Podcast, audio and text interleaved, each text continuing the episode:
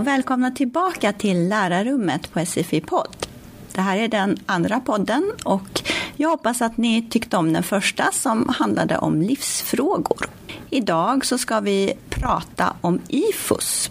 Och vad det är, det tänker vi ta reda på i den här podden. Jag har med mig två gäster idag och det är Mikael Fransel och Olga Karlberg. Båda jobbar som SFI-lärare här på Centrum Vux. Programmet vi deltar i heter egentligen Språkutvecklande arbetssätt inom SFI. Eh, och ja, programmet omfattar tre år. Vi började delta i 2018 och eh, ska vara med till och med 2020. Och eh, IFOS-programmet eh, har eh, som syfte att stärka lärarnas och skolledarnas professionella utveckling.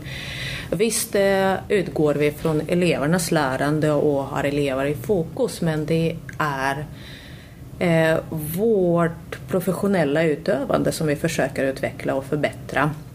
Och eh, det gör vi i samarbete med två forskare och forskarna som hjälper oss att utvecklas heter Jenny Rosén och Berit Lundgren. Eh, målet är att efter eh, programmets slut eh, publicerar de eh, resultat. Eh, nu kan jag inte svara vilka tidskrifter eller på vilket sätt. Men de eh, följer upp vårt arbete och hjälper oss med lite frågor och uppgifter och eh, samlar resultat. Det är väl det som är lite speciellt med IFUS, det här att det är egentligen lärarna själva som, som utför själva forskningen praktiskt på sina skolor och ja. sen redovisar vi resultatet tillbaka till dem. Ja, och till varandra. Eh, för att hela programmet är ju ett sätt att organisera kollegialt lärande så vi börjar utifrån vår verklighet, utifrån våra problem kanske eller frågor så försöker vi identifiera problemen eller områden som vi vill utveckla. Vi försöker arbeta mot och sen följa upp resultaten, vad som blev bra eller mindre bra. Ja, och eh, här på Centrum Vux så har vi ju nio lärare som deltar. Ja. Mm. Och eh, vi har ju möten ibland med dig då och din roll i det här är ju som processledare. Ja. Vad innebär det? Ja, egentligen är det innebär min roll att hjälpa oss att ha koll på vad vi gör. Lite som sekreterare kanske. Ibland sammanställa eh, vad vi gör, ibland påminna oss vad vi behöver göra för att tidspress finns ju kvar i skolan och i, ibland har man ju inte tid med det man skulle eller kanske glömmer till och med mellan gångerna.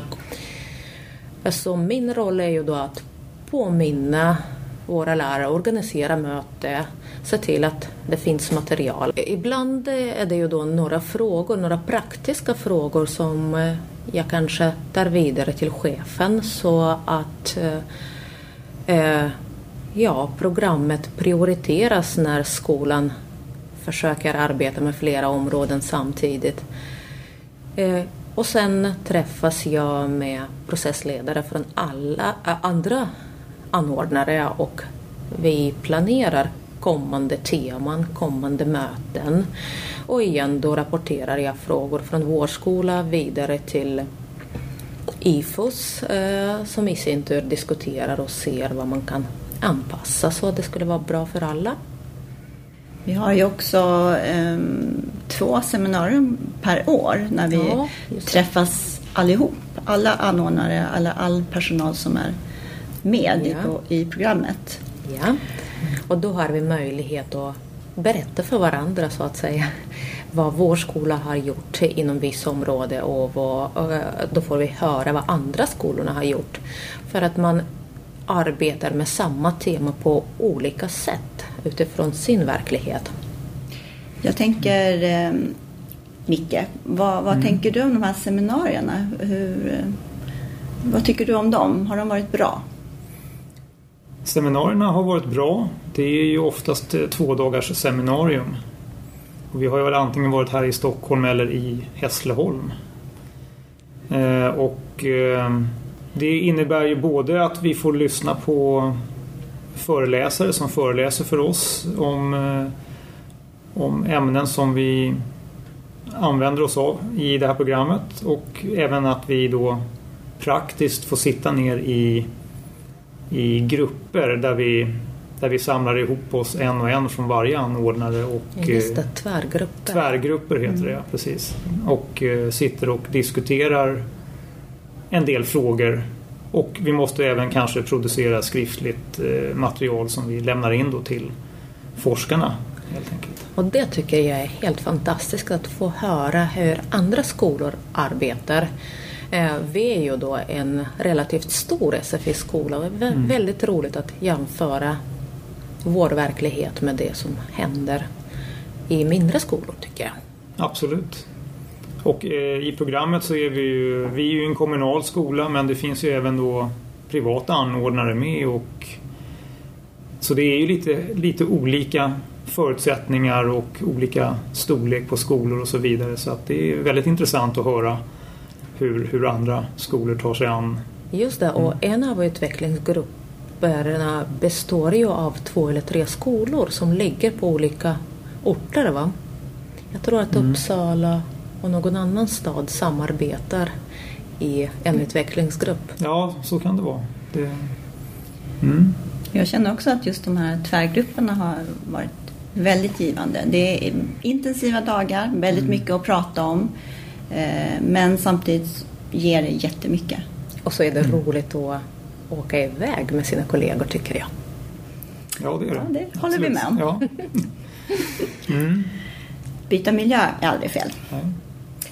Eh, ja, och eh, vad har vi då jobbat med? Vi har ju haft lite olika teman. Ja, och mm. ett treårigt program skulle ju från början delas i fyra teman och jag tror att det blev så att det blir olika teman första och andra året. Just nu är vi på andra delen av andra året och tredje mm. året skulle vara två teman.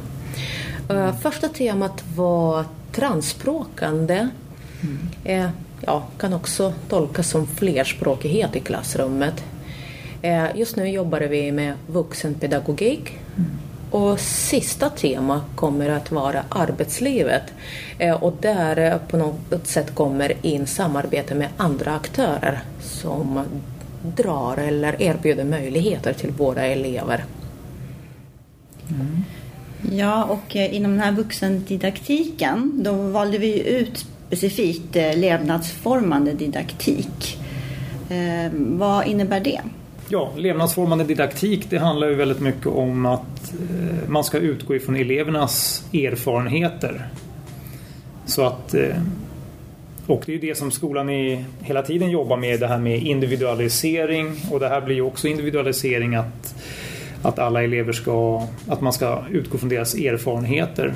Och eh, det kan vara svårt att utgå från allas erfarenheter men eh, ibland kan man ju hitta något, någon, gemensamt, eh, någon gemensam erfarenhet som kanske många delar.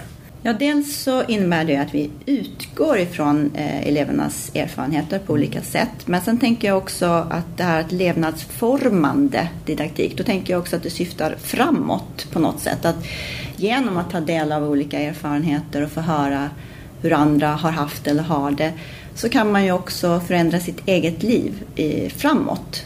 Så det, det tänker jag också just att det är formande. Det är inte bara att vi, vi ska själva berätta om våra erfarenheter utan att eh, vi faktiskt kan, eller de kan också eh, lära sig av varandra och inte byta identitet men ändå påverka sina liv. Ja, absolut är det så. Eh, och eh, när vi jobbade med det här då tog vi hjälp av en annan lärare på skolan som heter David Salle. Och eh, han finns med på en annan podd som vi har spelat in tidigare. Så om ni vill lyssna på honom så kan ni göra det. Eh, han har då haft en eh, föreläsning och då utgick vi från hans föreläsning om integration, kultur och identitet. Detta är ju då väldigt omfattande begrepp så att eh, det blev en ganska lång föreläsning. Eh, men ändå där eh, eleverna som lyssnade fick eh, delta och diskutera. Och den här föreläsningen spelades in och sedan så använde vi oss av den här föreläsningen i vår undervisning och visade klassen eller utgick ifrån den föreläsningen. Micke, hur, hur gjorde du med det här? Ja, alltså det var en ganska omfattande, som du säger, omfattande föreläsning så att jag eh, valde ut några mindre avsnitt. Kanske en, två, tre minuters eh, avsnitt då som, eh, som jag visade eleverna. och sen så diskuterade vi just den, det som sades där helt enkelt. Och jag hade hade lite uppgifter och övningar med mig som, som de skulle jobba med så att säga. Så att jag använde de här eh, av, avsnitten från föreläsningen lite som en eh, påminnelse och introduktion till själva eh, grupparbetet som skulle ske sen. Och jag tror att många av oss valde ju just att kanske att man la ganska stor vikt vid det muntliga, att man skulle diskutera. Man utgick från frågor som var kring föreläsningen och sedan fick de eh, diskutera helt enkelt. Vilket eh, passade just för det här ämnet. Mm. Vad jag blev jätteförvånad över det är eh, Davids eh, föreläsning var ju inte riktigt på elevernas språkliga nivå utan eh, han pratade som man pratar med vilka elever som helst tyckte jag. Mm. Och ändå hur bra våra SFI-elever kunde hänga med och engagera sig i innehållet. Just genom att det var så intressant för dem och så levnadsformande. Mm. Ja. Eller så nära deras erfarenheter så att de ville engagera sig. Mm. Och på något sätt förebygga sina språkliga brister. Mm. Det blev jag väldigt imponerad av. Ja, absolut. Men där tror jag också att eh, David har ju en fördel i att han har själv eh, gått samma väg. Alltså han, han vet var eleverna är och befinner sig och så att säga och ja, vad han har med sig så att säga. Ja, dessutom är han mm. inte rädd att bemöta vissa känsliga frågor Nej. som till exempel religion eller hur man kan eller inte kan utöva det Nej. i svensk miljö. Det tyckte Nej, jag också. Absolut. Det var superintressant. Mm. Ja, det var, det var bra. Och just det här att eh, bemöta känsliga frågor. Han berättar också om, om det i podden, att hur viktigt det är att vi lyfter de här frågorna. Eh, som kanske många gånger eleverna aldrig överhuvudtaget pratar om. Eh, mm. Och det kan vara bra att lyfta dem någonstans och att våga ta tag i dem. Och integration överhuvudtaget är ju väldigt viktigt. Så eh, det var bra intressanta ämnen att utgå från. Vårt första tema i IFUS-programmet eh, var då transspråkande. Mm. Och då, eh, ja, hur ska vi översätta det där? Transspråkande, vad innebär det? Ja, lite äldre tema som diskuterats eh, bland lärarna är ju flerspråkighet i klassrummet. Och transspråkande är nog en vidareutveckling på samma tema. Mm. Skulle jag säga. Mm. Det ja. handlar kanske om att uh, eleverna inte har ett språk som man byter ut mot ett annat språk utan att språken växer i huvudena på eleverna parallellt om man kan säga så. Mm. Eller ja, ta över varandra ibland. Jag tänker också just det att inte se det som en belastning att man har ett språk sedan tidigare och nu som du säger ska det gamla ut och det nya in. Utan som du säger att det är en parallell process som pågår och att man kan då se sitt gamla språk som en resurs i den nya inlärningen av ett nytt språk. Ja. Mm. Ehm, så tolkar jag det ganska mycket. Ja.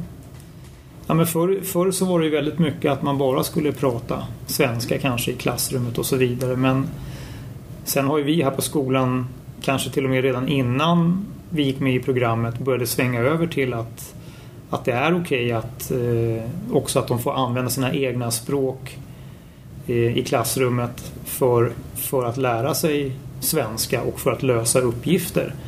Eh, det som är viktigt att komma ihåg eh, i det här är ju då att eh, de ska inte få prata sitt eget språk bara om vad som helst utan det ska ju vara läraren som, eh, som styr såklart eh, och, och säger att eh, det är okej okay att ni pratar vilket språk ni vill. Det behöver inte vara deras modersmål utan om de har ett gemensamt språk i gruppen som alla kan hantera bättre kanske då än svenska så kan de ju få använda det språket för att lösa en svensk grammatisk uppgift helt enkelt och på så sätt tillägna sig svenska bättre.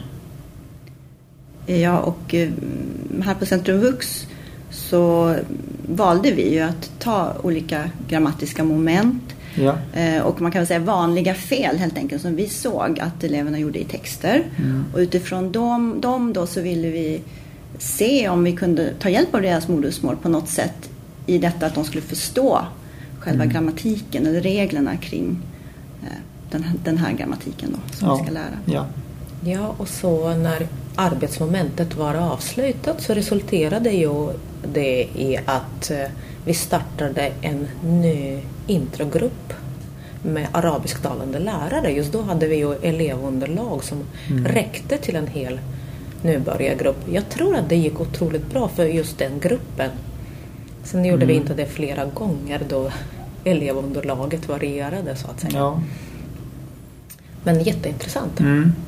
Och det är lite synd att, att elev, men det så är det ju alltid att elevunderlaget styr. Annars skulle det vara väldigt bra om man kunde kontinuerligt ha intro, ja, just intro, i början ja, när man lär sig som bäst och ja. kanske har som svårast att förstå läraren. Mm. Jag tror att det, det som man kanske kan ta med sig det är att om eleverna får reflektera och jämföra med sitt eget eh, språk och på sitt eget språk förhoppningsvis så befästs ju kunskap bättre mm. då och det är väl egentligen det det går ut på att ja. använda eh, språket som en resurs. Ja. Eh, så att vi har, det var de här två temana då. Det var transspråkande och eh, vuxendidaktik. Som fortsätter. Mm. Som fortsätter. Ja. Eh, och nästa ämne, eller inom vuxendidaktik då, heter critical literacy. Ja. Eh, nu har vi då fortfarande inte börjat med det här riktigt än. Vi håller på att läsa lite texter. Men eh, lite grann, kan vi säga någonting om det? Ja, critical literacy enligt det jag har läst i texterna handlar ju mycket om att eh, lära ut och visa till eleverna hur man kan ifrågasätta alla texter och inte bara texter utan verkligheten runt om sig. Att mm. eleverna behöver tänka varför. Eh, några mm. texter ska väljas och några texter ska bort. Det är ju egentligen det läromedel gör på direkt eller indirekt sätt. Mm. Mm. Ja, just att eh, också att eh, det här att läs och skrivkunnighet att eh, idag att det räcker inte riktigt med att bara vara läs och skrivkunnig bara för att man, man ska förstå utan man måste även jobba mer med det här kritiska förhållningssättet som, som du nämner då att man ska kunna ja, läsa mellan raderna och varför är, den här, varför är de här texterna utvalda? Vem kan ha, varför är den här texten skriven på det sättet den är skriven och så vidare. Eh, då behöver man ju ha lite bakomliggande kunskaper för att kunna analysera det. Det räcker inte bara med att kunna läsa texten mm. rakt upp och ner utan man måste även kunna ja, analysera det på ett annat sätt så att säga. Så det krävs i det här begreppet då så, så ska man vidga det här, så som jag förstår det, att man ska vidga det här läs och skrivkunnigheten till att innefatta mycket, många fler aspekter. Ja, och jag, tror, jag hoppas att det kommer att hjälpa oss att ta in lite mera mångfald i klassrummet. Det finns ju en mm. del kritik av gamla läromedel, att man lär sig bara sjukanmäla sig eller ja, frånvaro och anmäla sig på mm. ett, ett eller annat sätt. Och det är egentligen vems perspektiv på SFI visar böckerna är ju väldigt intressant. Ja, absolut. Och som exempel så vet jag ju, det var ju någon elev här som reagerade till exempel på någon bok just att eh, Ja, varför, i, i SFI-böckerna här eller just i den SFI-boken varför alla, alla personer som boken tar upp har till exempel arabiska namn. Men jag själv är ju från Kroatien liksom. Varför kan man inte... Ja, och då kan man ju tänka sig vad, vem, vem har skrivit boken och varför använder de sig av det här? Då har de ju kanske mer kanske en målgrupp, huvudmålgrupp i, i, i, i sikte. Va? Då glömmer man ju bort lite så att den där eleven hade ju redan var redan inne lite på det här med critical literacy, tycker jag i alla fall. Ja, det mm. finns ju en del elever som är det. Ja, absolut. En fråga som mm. eh, jag och mitt lärarlag fått nyligen.